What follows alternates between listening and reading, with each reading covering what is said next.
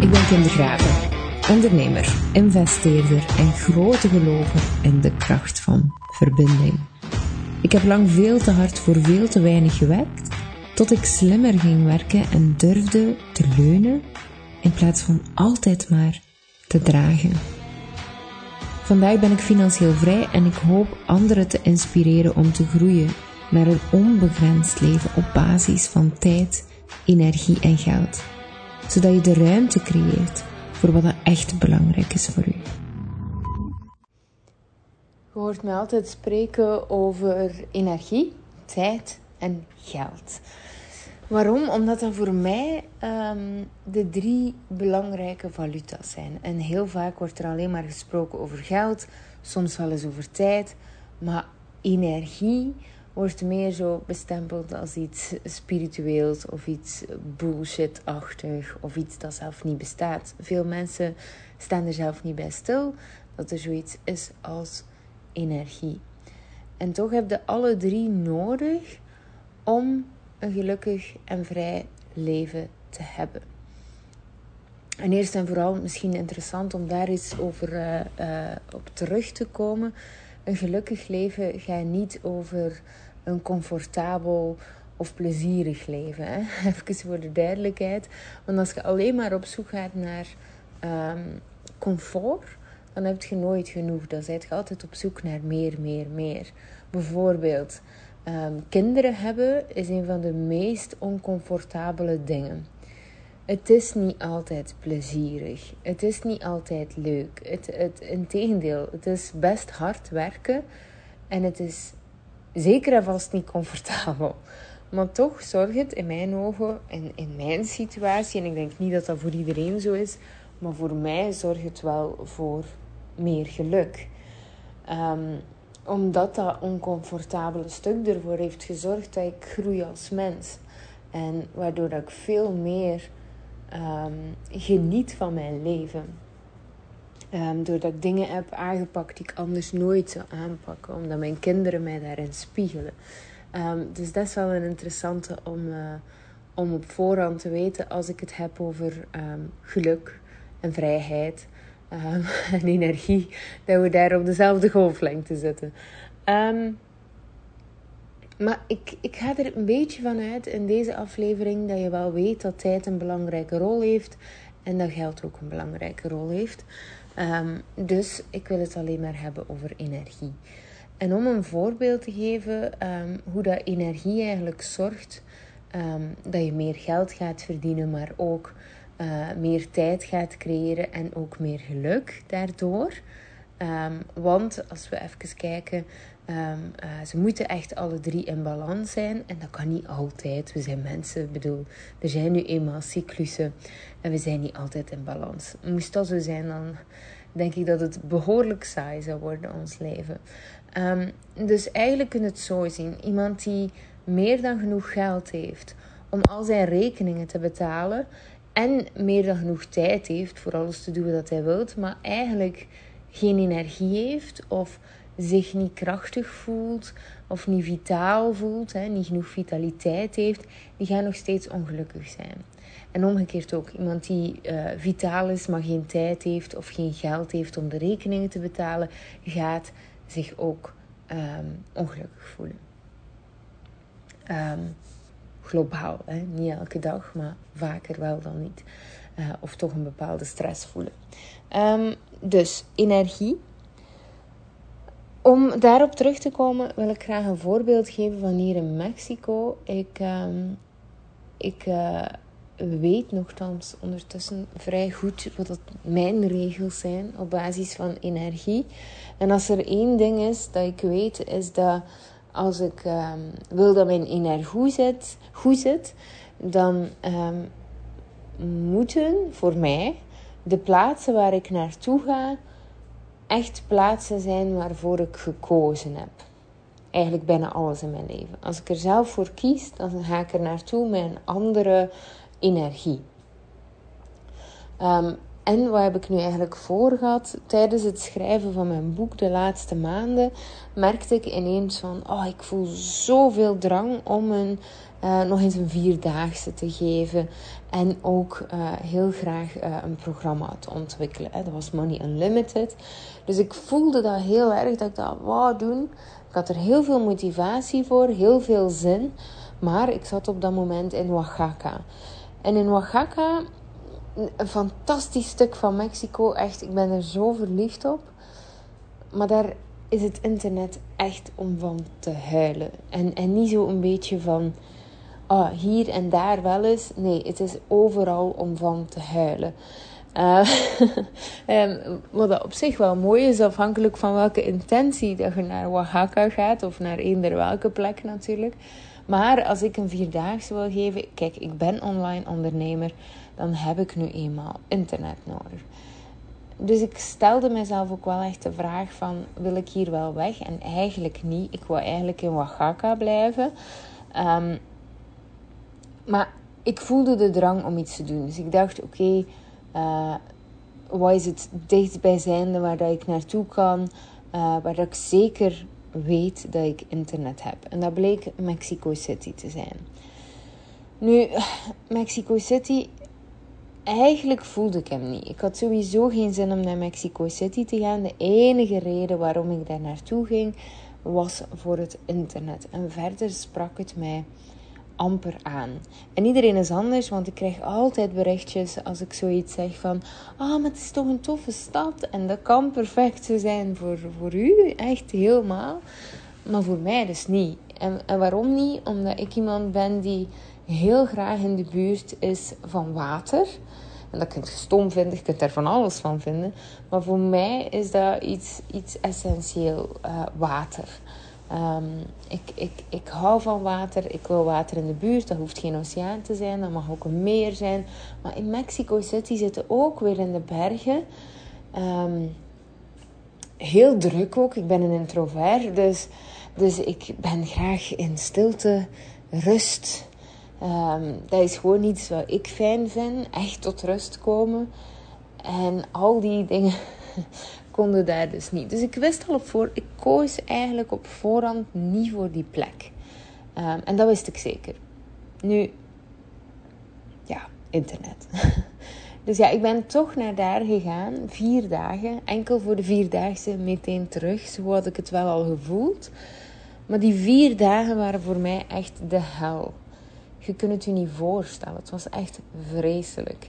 En ik ben zeker dat Mexico City ook echt fijn kan zijn voor mensen. Dus wat ging er dan precies fout? En ik begreep het ook gewoon niet. Ik volgde um, uh, TripAdvisor. Ik vroeg aan andere mensen van... Hey, uh, waar is het lekker om te eten? Wat zijn de leuke buurten? Um, en op de een of andere manier heb ik in die vier dagen geen enkele keer lekker gegeten.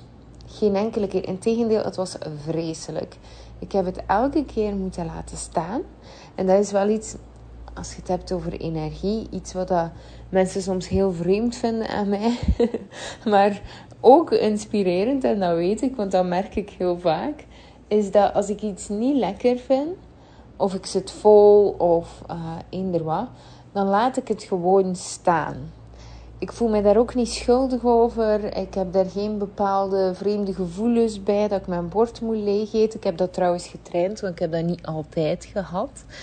Um, maar ik betaal gewoon en geef het terug. ik heb gisteren, ik zit nu in Cancun en ik heb gisteren ook iets besteld in Cancun. Vind ik het ook heel moeilijk om uh, uh, lekker eten te vinden trouwens. Um, en ik heb gisteren iets besteld en ik heb er één hap van gegeten en ik vond het niet lekker en ik heb het gewoon betaald en ik ben uh, weggegaan.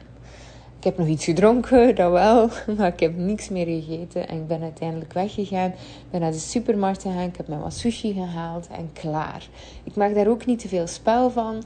Um, dat, voor mij is dat energie. En, en ik vind het niet erg om die mensen te betalen, want ze hebben hun best gedaan om mij dat eten te geven. En ik betaal nog altijd een dienst, en in mijn hoofd toch. En niet per se um, het eindresultaat. Hè. Het eindresultaat is heel persoonlijk. De ene vindt dat lekker, de andere niet. Um, dus uiteindelijk is dat wat het is. Dat is hetzelfde gelijk als je bij uh, een fotograaf gaat of zo. En je boekt een fotosessie en uiteindelijk zeg je toch niet tevreden met, met het resultaat. Ja, die persoon heeft er wel al zijn energie en tijd in gestoken. En dat is hetgeen dat je hoort te betalen als klant. Um, zo zie ik het. Dus, en ik voel me daar ook heel goed bij. Maar ik eet het dus niet op. En um, ja, ik even afgeweken natuurlijk van mijn verhaal. Maar dus op basis van eten ben ik daar dus heel uh, uh, specifiek in. Um, en heel veel mensen raken daardoor geïnspireerd. Want overlaatst kreeg ik nog een berichtje van Fleur, een vriendin uh, van mij. Of een, iemand die ik hier in Mexico heb leren kennen. Die ik toch wel eigenlijk zie als een vriendin van mij.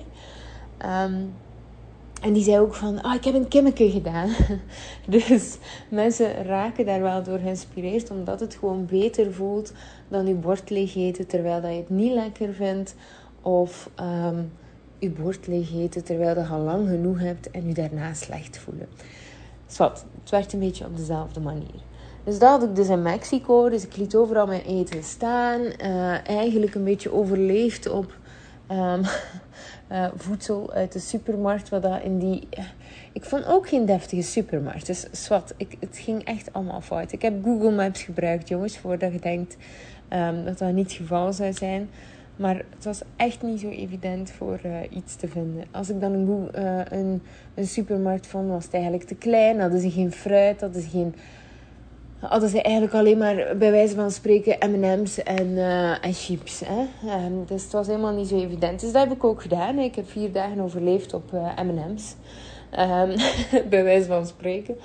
Um, ja, en dat, dat brengt ook alweer je energie lager. Plus, ja, ik ging, ik ging dan naar het Frida Kahlo Museum tussendoor. En daar ben ik opgelegd door de taxichauffeur. En niet één keer, maar twee dagen later nog een keer.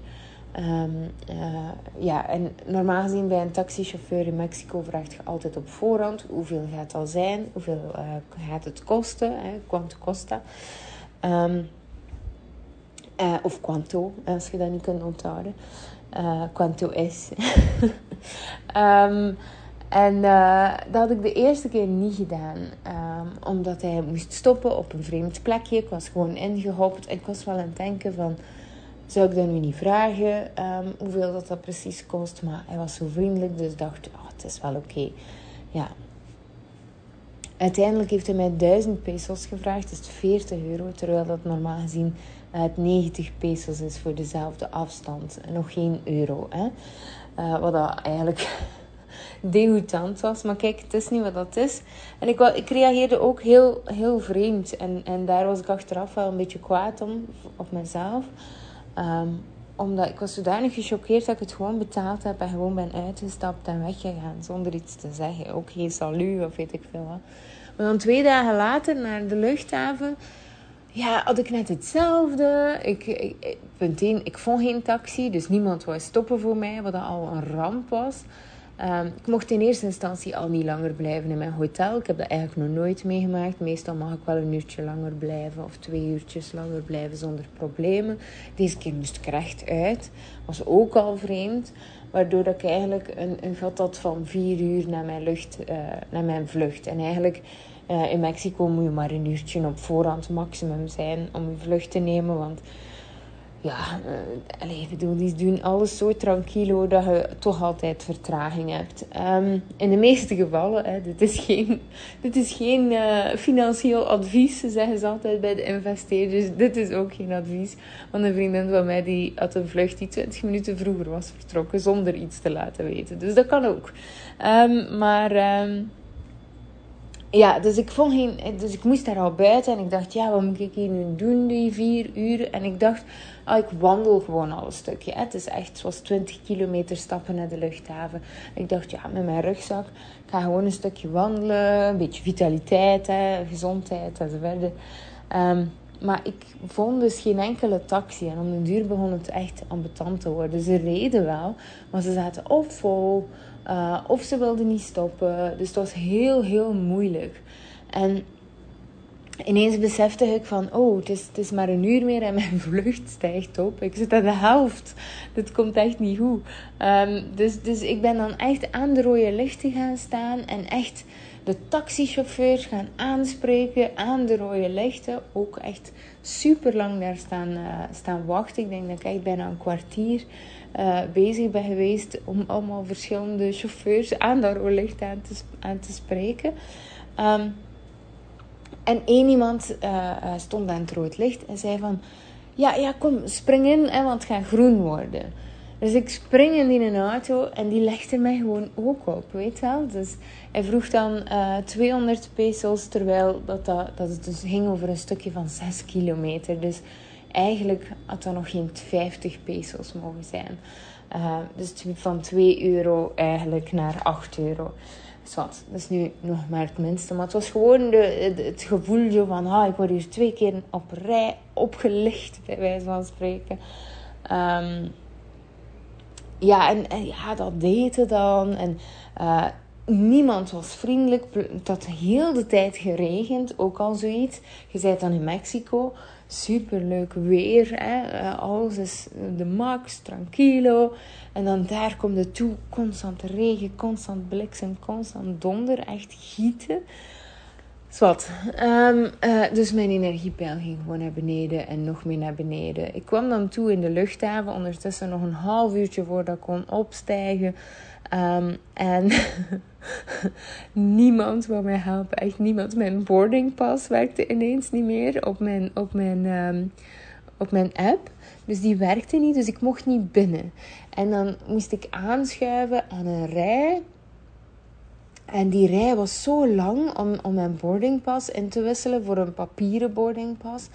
Maar als ik daar zou aangeschoven hebben, dan, dan was ik nooit op tijd geweest voor mijn vlucht. Hè. We hebben het hier over 30 minuten. Um, dus ja, ik, ik begin voor te steken. Ik heb er al een hekel aan. Dat is echt iets dat ik niet leuk vind. Uh, en ik, ja, uh, excuse me, my ticket, bla bla bla.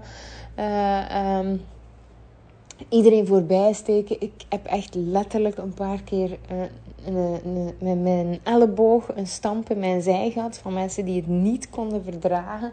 Ondanks dat ik het probeerde uit te leggen. Maar ik ben ook zo niet. Weet je, ik zei het net al, ik ben eigenlijk wel introvert. Hè, dus ik ben ook niet de flamboyante uh, uh, uh, vrouw die dan. Oh no, my, my flight. Hè, want er was nog iemand, zo'n vrouw die helemaal over haar toeren was. En met heel veel drama erdoor raasde. Ja, iedereen laat die door. Want iedereen is zodanig emotioneel ongemakkelijk dat hij denkt van ja, laat ze maar doorgaan alstublieft. Um, maar ik ben zo niet. Dus ik blijf altijd vrij neutraal. Um, waardoor dat mensen dat dan moeilijker kunnen aanvaarden of denken dat het niet belangrijk genoeg is of zo. Ja, dat is ook een, een deeltje van, ik denk altijd in mogelijkheden. Dus, dus ik, ik heb altijd wel zoiets van, kijk, als ik hem mis, dan, dan komt er wel een andere oplossing. Of boek ik een vlucht later. Allee, ben, ik ben daar wel chill in en zo van die dingen. Um, ja, dus ik, heb, ik ben echt een paar keer fysiek aangevallen geweest. In de zin van toch met een elleboog recht in mijn zij. Van mensen die het niet konden verdragen. En dan sta je aan die balie en dan gaat het ook echt op zijn Mexicaans. Hè. Dan, dan oh, is het tergend traag voordat je dat papieren ticket krijgt. Dan vraagt je van waar, waar moet ik heen? Oh ja, gewoon hier uh, a la. Uh, ik bedoel, a la. Maar eh, zo heel droge, amper aanwijzingen. Moet je maar uw plan trekken à la. Um, dus ik ga naar rechts en dan zie ik een vrouw staan. En ik zeg, waar moet ik naartoe? Waar moet ik naartoe? En die, die vrouw stuurt mij natuurlijk naar de andere kant, naar links. Um, uh, dus ik loop naar links, maar ik zie daar niks. Ik heb echt geen idee waar ik naartoe moet. Ik zoek gate B, hè, de B. Um, en niet te vinden. En, en, links vraag ik dan van ja, wat moet ik zijn? Die stuurt mij dan weer naar rechts. En ondertussen heb ik nog een kwartier voordat mijn vlucht opstijgt. Echt een ramp tot en met. Um, dus ik terug naar die vrouw en ik zeg, ah, hij zegt tegen mij naar links, maar het is eigenlijk naar rechts en je helpt mij niet. Uh, ja, security, security. Zegt ze van, dit is niet mijn functie. Zoek iemand anders voor u te helpen. Dus ja, heel, heel moeilijk. Ik, ik, uh, en dan begon ik wel mijn emoties op te voelen komen. Hè? Want, want ik merkte wel van... Ik wist dat ik mijn vlucht ging missen. En ik wist ook dat dat op zich niet zo erg was. Maar het feit dat niemand geïnteresseerd was in mij... En dat iedereen zo koud was... Dat, dat deed mij vooral heel veel. Dus dat maakte mij heel emotioneel op dat moment. Ik had zoiets van, is er nu niemand dat twee minuten tijd wil maken voor mij om te kijken en mij eventjes te helpen? Um, uiteindelijk ben ik er zelf achter gekomen. Uh, nadat ik bijna een, een Mexicaan in zijn gezicht had staan. heb ik niet echt gedaan. Maar in mijn hoofd heb ik het wel visueel gezien. Want, want ik werd zo kwaad. Omdat hij ook zoiets had van... Oh, doe niet zo moeilijk, stomme toerist. Um, en ik ging gewoon naar, naar gate D. Hè, de D. Um, en, en ik had zoiets van, ja, weet je, ik zal wel aan die B uiteindelijk uitkomen. Of ze zullen mij wel terugsturen. Misschien gaan ze mij daar wel duidelijkheid geven. Dus ik recht naar gate D. Um, en dan moet je door de douane. En ook daar weer zeg ik, ah, sorry, mijn vlucht, mijn vlucht. En ik leg mijn spullen op de band. En die man voor mij, met zijn gezin, die ik net even had voorgestoken. En ik zei, ah, sorry, my flight, hè uh, gooit gewoon mijn spullen van de band op de grond. en leg gewoon zijn spullen erop met zijn gezin ervoor. En daar staat je dan. En ik had, ik, dan kon ik het helemaal niet meer houden. Dus de, de tranen stroomden. Ik voelde me zo uh, onmenselijk behandeld eigenlijk. Ja, ik wist echt niet wat er gebeurde. Um, wat mijn spullen terug op de band. Uh, er toch gewoon doorgaan. Uh, vragen aan mensen van ja, waar is gate P? Uh, en uiteindelijk leiden ze, heeft er één iemand gezegd van oh ja, daar naar boven en trekt uw plan. En dan moest ik echt, oh ja, zwart. Uiteindelijk heb ik het gevonden. Ik was net op tijd. Ik heb echt moeten lopen, maar ik was net op tijd. Um, het was vijf na trouwens, maar zoals altijd in Mexico vluchten, vertraging. Dus we hadden 20 minuten vertraging. maar ja, dat wist ik niet op voorhand. Uh, dat staat ook trouwens nooit niet aangeduid uh, online of eender wat. Hè. Bij TUI Flight zie je dat heel snel. Of bij Belgische luchtvaartmaatschappijen van hey, die vlucht heeft vertraging. Maar daar wordt dat eigenlijk allemaal niet aangepast. Um, en ik zat op die, die, die vlucht terug naar Oaxaca. En ik dacht echt van, what the fuck just happened? Um, en om een lang verhaal kort te maken. Op dat moment had ik echt zoiets van Mexico City is een kutstad. En uh, hoe kan iemand hier gelukkig worden? Ik was echt heel laag in mijn energie. En ik heb echt bijna vijf dagen nodig gehad om te bekomen van die energie. Dus ik was echt helemaal leeggezogen. Um, ik zat toen ook in mijn vierdaagse. Ik uh, was eigenlijk Money Unlimited aan het verkopen en ik voelde dat heel hard. Dus ik had in principe heel veel energie om te verkopen en ik had er heel veel zin in. Maar door wat er daar gebeurd was, zat ik niet meer in dezelfde energie. En kon ik ook niet meer zo goed verkopen. Ik had, ik had er eigenlijk gewoon geen zin in. Ik wou gewoon ergens onder een steen kruipen en gewoon even tot rust komen. Maar ja, ik had dan nu wel gezegd dat ik dat ging doen. Dus heb ik dat toch nog een week gedaan. Maar als het gedaan was en gisteren was het gedaan, het verkoopstuk. En ik was zo blij. Ik was zo blij dat het gedaan was. En um, daar zit ook weer het verschil tussen verkopen en iets ontwikkelen.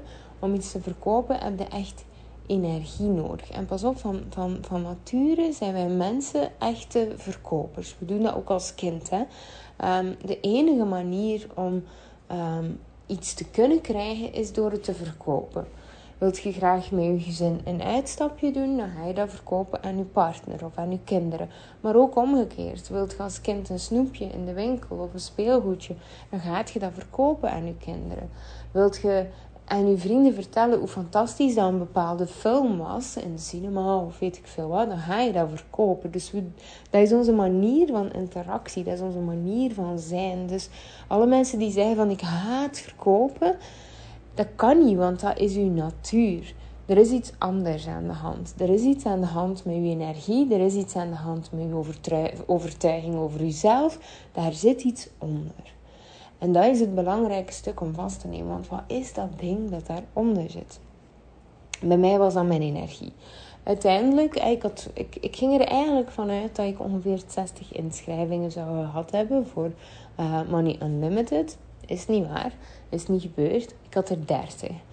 Um, maar achteraf, je kunt daar ambetant over zijn of eender wat. Maar eigenlijk is dat helemaal niet erg. Want uiteindelijk leerde weer jezelf, en ik zeker, ik heb weer mezelf enorm goed leren kennen. En uiteindelijk is 30 nog altijd fantastisch. Um, ik vind het nog altijd de max, want hey, even voor de duidelijkheid, ik spreek er over het getal 30. Maar wat dat daarachter zit, zijn wel 30 fantastische mensen waar ik mee mag samenwerken de komende vier maanden.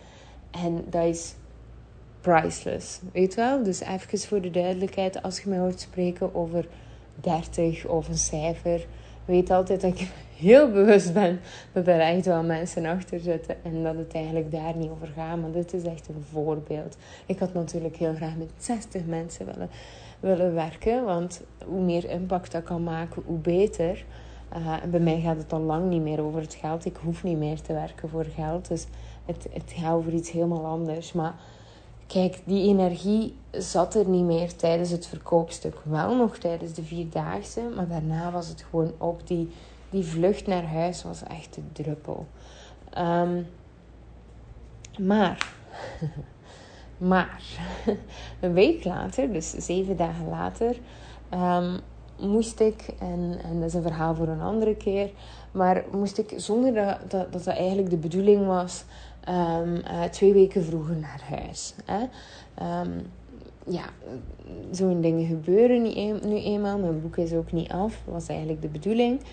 Um, maar het, het, het, is wat het is. Hè? En ik heb er mij ook bij neergelegd. Ik ben eigenlijk super blij dat ik naar huis mag. Dus uh, het is helemaal oké. Maar ik moest dus naar huis.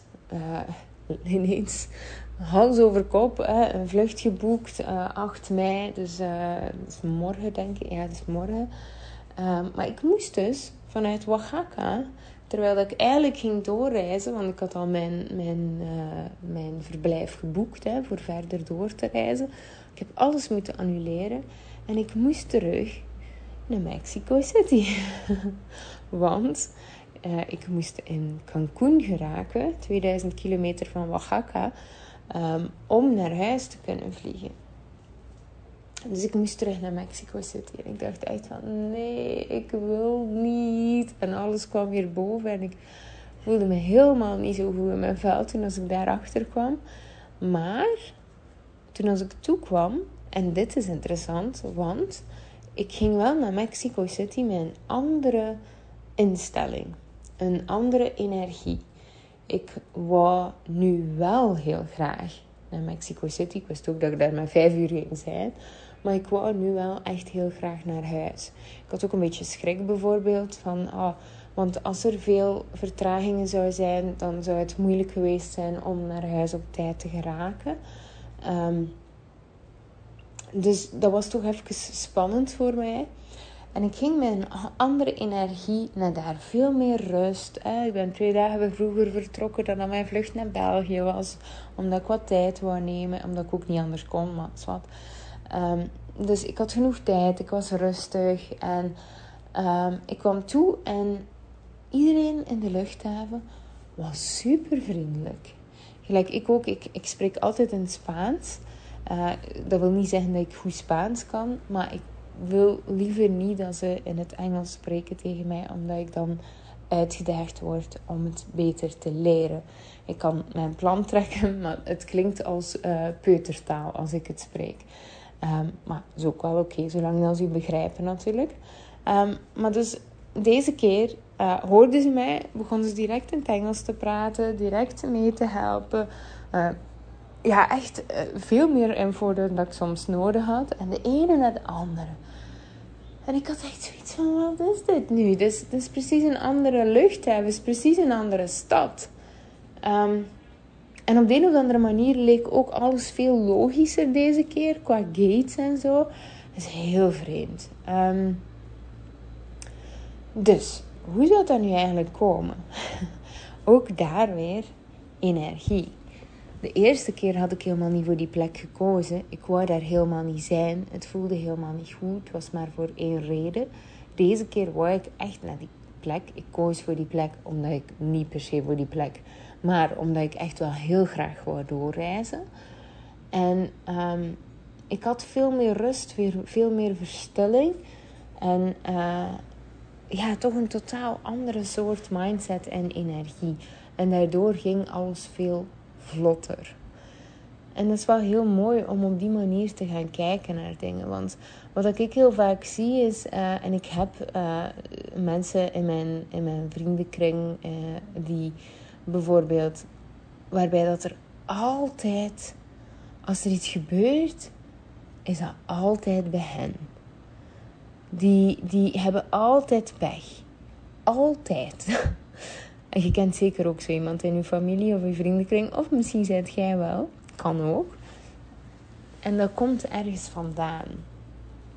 Want door de, de bepaalde energie dat je uitstraalt, krijg je die ook terug. We zijn echt wandelende walkie-talkies, wij als mens. Dus we zenden ook letterlijk energie uit. En dat krijgen we terug. Op die frequentie zitten we op dat moment. Dus als jij echt in een situatie zit waar je eigenlijk niet wilt zitten. Een relatie die eigenlijk niet zo goed voelt. Een job die niet goed voelt. Uh, een, een, huis dat niet goed voelt. Allee, alles wat dat niet goed voelt. Dan gaat je automatisch ook dingen aantrekken die op diezelfde energiefrequentie zitten. En dat is niet prettig om te horen. Maar je kunt daar wel iets aan doen in eerste instantie bewust van worden dat dingen zo werken en dat het wel interessant is. Eh, stel je even voor, op het moment dat eigenlijk, pak nu dat, dat je, je weet al zeker, als je super goed in je vel voelt, dan gebeurt er ineens van alles en allemaal meevallers en alles gaat makkelijk.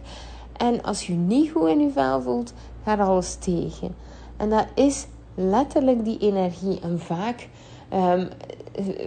wijven mensen dat zo weg van, ah, is toch toevallig, hè? Maar niks van dat alles is toevallig. Dat is echt een bepaalde um, natuurwet dat je eigenlijk op dat moment aan het doorlopen bent. En um, in eerste instantie kun je daar bewust van worden. Maar in tweede instantie kun je gaan kijken van... Oké, okay, dit is nu de situatie. Dit is nu wat het is. Maar wat zijn de kleine dingen waardoor dat ik mij terug op die hogere energie kan uh, stellen. En ik moet eerlijk zijn, het lukt niet altijd, want in Mexico City, ik was zo ver heen, ik, ik kon gewoon niet meer. Ik, um, het, het lukte mij echt niet daar. Ik moest echt veranderen van plek om terug, terug tot rust te komen, tot, tot mijzelf te komen. Ik miste echt water. Ik had daar ook de focus op gelegd. Ik heb water nodig. Um, dus ik, ik moest echt terug naar Oaxaca voordat ik terug tot rust kon komen. En als ik het heb over Oaxaca, als je het hebt uh, opgezocht, ik heb het over de provincie, niet de stad. Ik zat in uh, Mazunte, Puerto Escondido, Zipolite. Um, dus echt aan de kust. Um, ja, dus het, het, soms, het is niet altijd even makkelijk, maar dat wil niet zeggen dat je het niet kunt doen. Van oké, this is happening. Uh, wat kan ik wel doen, waardoor dat ik me beter voel? En dat is een heel interessant ding wat je kunt gaan aanpakken. Um, en vaak merkte dan dat beetje bij beetje dat je eigenlijk een skill gaat ontwikkelen. En die skill gaat ervoor zorgen dat je er makkelijker sneller en vaker bewust van wordt. En dat je ook beter weet wat je kunt doen op het moment dat het gebeurt. Dus um, dat wil ik u heel graag meegeven. Ik, uh, ik ben heel benieuwd uh, hoe dat jij dat ziet en uh, of dat je dat herkent. Hè. Altijd welkom om op Instagram eventjes iets te laten weten. Vind ik altijd fijn.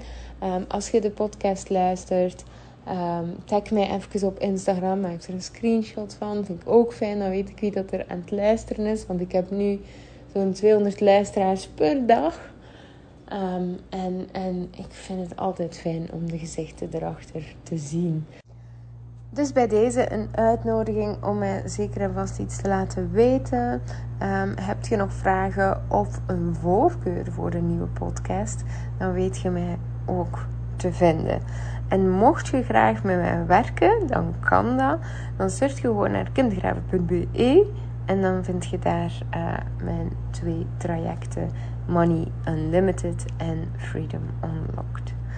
Dag!